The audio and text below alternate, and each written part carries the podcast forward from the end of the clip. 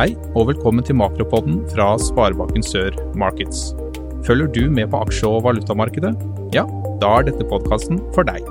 Her får du et overblikk over hva som skjer rundt i verden, hvorfor det skjer, og hvilke konsekvenser det har.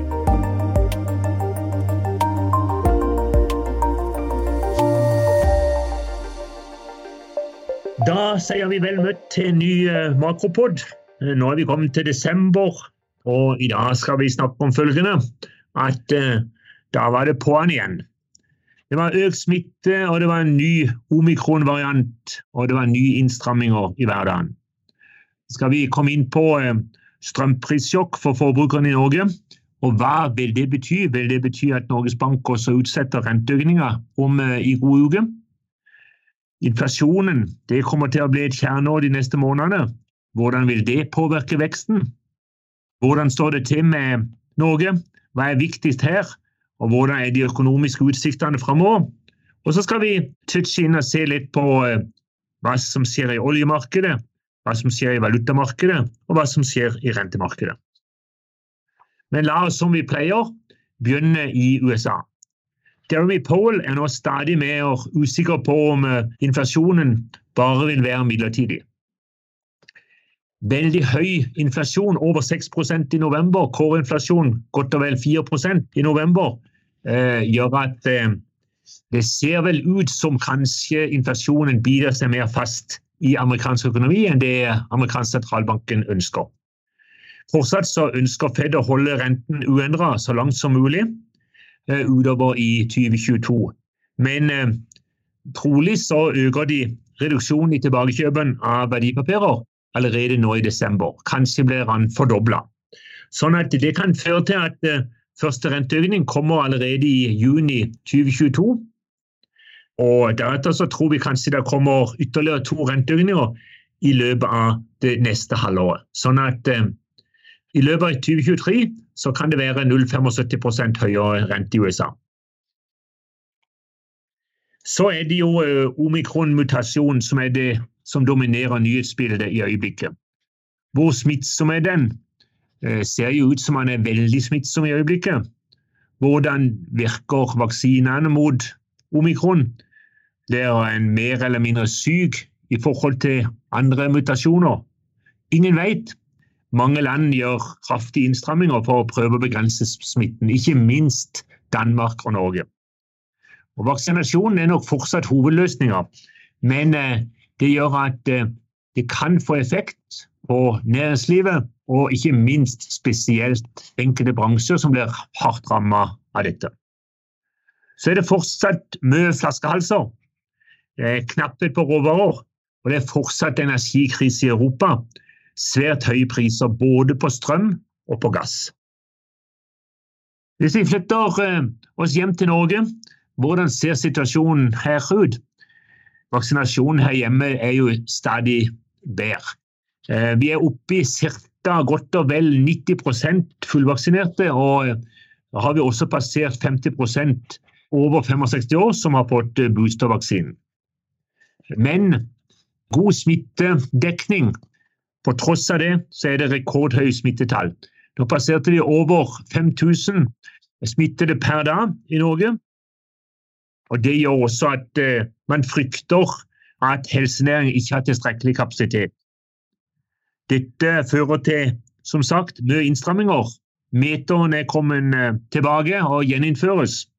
Begrensninger både med besøk i private hjem og begrensninger i arrangementer. Og Skulle ikke dette uh, være nok for å stoppe smitteøkninga, så tror jeg både FHI og Helsedirektoratet har planer om å rett og slett anbefale full nedstengning. Og Det slår jo ekstremt kraftig ut for hotell- og restaurantbransjen bl.a. Så her ser vi allerede de første permitteringene. Høye olje- og gasspriser gjør at inntektene til AS Norge vokser. Men eh, høye strømpriser, økte bensin- og dieselpriser og høyere renter det kan komme til å være dempende på det øvrige private forbruket. Ifølge siste regionale nettverk som eh, da er et nettverk som eh, Norges Bank bruker til å sende ut for å måle temperaturen i, i Bedrifts-Norge, så blir veksten i bruttonasjonalprodukt, altså veksten i Norge, noe eh, lavere enn det en trodde bare for en måned eller to siden. Men fortsatt blir det bra vekst, men ikke fullt så sterkt som en hadde trodd. Arbeidsledigheten faller stadig, og vi ligger nå tett over det nivået som vi lå på før pandemien satte inn. Og Så spørs det om uh, dette bildet forstyrres av innstramninger i forbindelse med økt smitte og omikron-varianten. Mens arbeidsledigheten er lav, så er antall nye ledige stillinger på et rekordhøyt nivå. Spesielt innenfor uh, bygg og anlegg, innenfor jordbruk, innenfor turisme og innenfor helsepersonell. Dette skyldes ikke minst uh, arbeidsinnvandringa, at den har vært lav, både som følge av innreiseproblemer i forhold til eh, covid-19 og korona, men også det faktum at lønnsstigninga i flere år har vært på rundt 10% i flere av Baltikum-landene. Vi ser en eh, stadig høyere kapasitetsutnyttelse. Vi ser økte råvarepriser, faktisk opp mot 70 eh, på enkelte områder. Og det vil veldig trolig føre til høyere matvarepriser. Det var vi inne på også i forrige pod. Men eh, det er nok eh, Norgesgruppen med flere av disse store leverandørene de har nok tatt med regninga foreløpig, men det er nok bare et tidsspørsmål før det også vil slå ut i økte og høyere matvarepriser. Så ser vi jo en kraftig økning i strømprisene. Og den alene, hvis vi regner på den, så er tilsvarer den mellom to og tre renteøkninger fra Norges Bank. Men det betyr jo også at eh, når den er så kraftig, så må nok regjeringa komme med ganske kraftfulle tiltak. Og det ventes relativt kraftfulle tiltak for å, eh, for å skulle begrense de eh, problemene som veldig, veldig mange eh, husholdninger vil få som følge av de høye strømprisene. I tillegg så ser vi knapphet på kvalifisert personell, og det kan føre til lønnspress. Og eh, det kan også føre til at lønnsveksten i Norge blir klart over Norges Banks anslag. Så, eh, men selv om det meldes om økende presstendenser, både knapphet på personell, på råvarer og økt lønnspress og økte investeringer, så kan den kraftige økningen i strømprisene eh, føre til at Norges Bank må utsette desemberøkningene. Kanskje må utsette det til februar-mars, når eh, strømprisene har lagt seg litt igjen. Så det blir veldig spennende. Eh, oljeprisen har vært særdeles turbulent i det siste. I øyeblikket så har vi en oljepris på ca. 75 dollar. Men hvis vi ser variasjonene de siste to ukene, så har vi gått fra 85 dollar til ned til 67 dollar, for så å komme opp igjen til 75. Eh, det som eh, har gjort at den er brakt opp fra bunnen, er nok først og fremst enighet i OPEC om en jevn økning av produksjonen framover. Eh, så er det blitt noe mer stabile aksjemarkeder. Og så er den underliggende fortsatt knapphet på energi, knapphet på olje, på gass og på strøm. Og så er det fortsatt forventninger til at aktiviteten i verdensøkonomien blir høyere og bedre i månedene framover. Og det er jo veldig godt nytt for Norges handelsbalanse, og det gir oss ekstraordinært store inntekter fra olje og gass. Hvis vi ser litt på aksje- og valutamarkedet, eh, så ser vi at det norske aksjemarkedet har, som resten av verden, vært svært ustabilt de siste to-tre ukene. Men eh, det er nå rett i underkant av 1200-grensen på Oslo Børs, har eh, vel stabilisert seg litt, i hvert fall.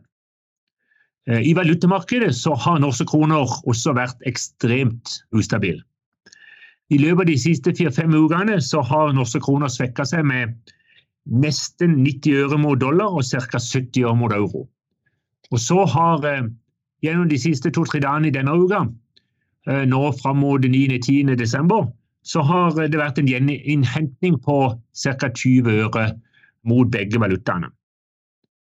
Kraftig reduksjon i oljepris urolige aksjemarkeder, og det at Norges Bank ikke lenger kjøper norske kroner for å dekke eh, koronaregninger, har vært noe av årsaken til svekkelsen.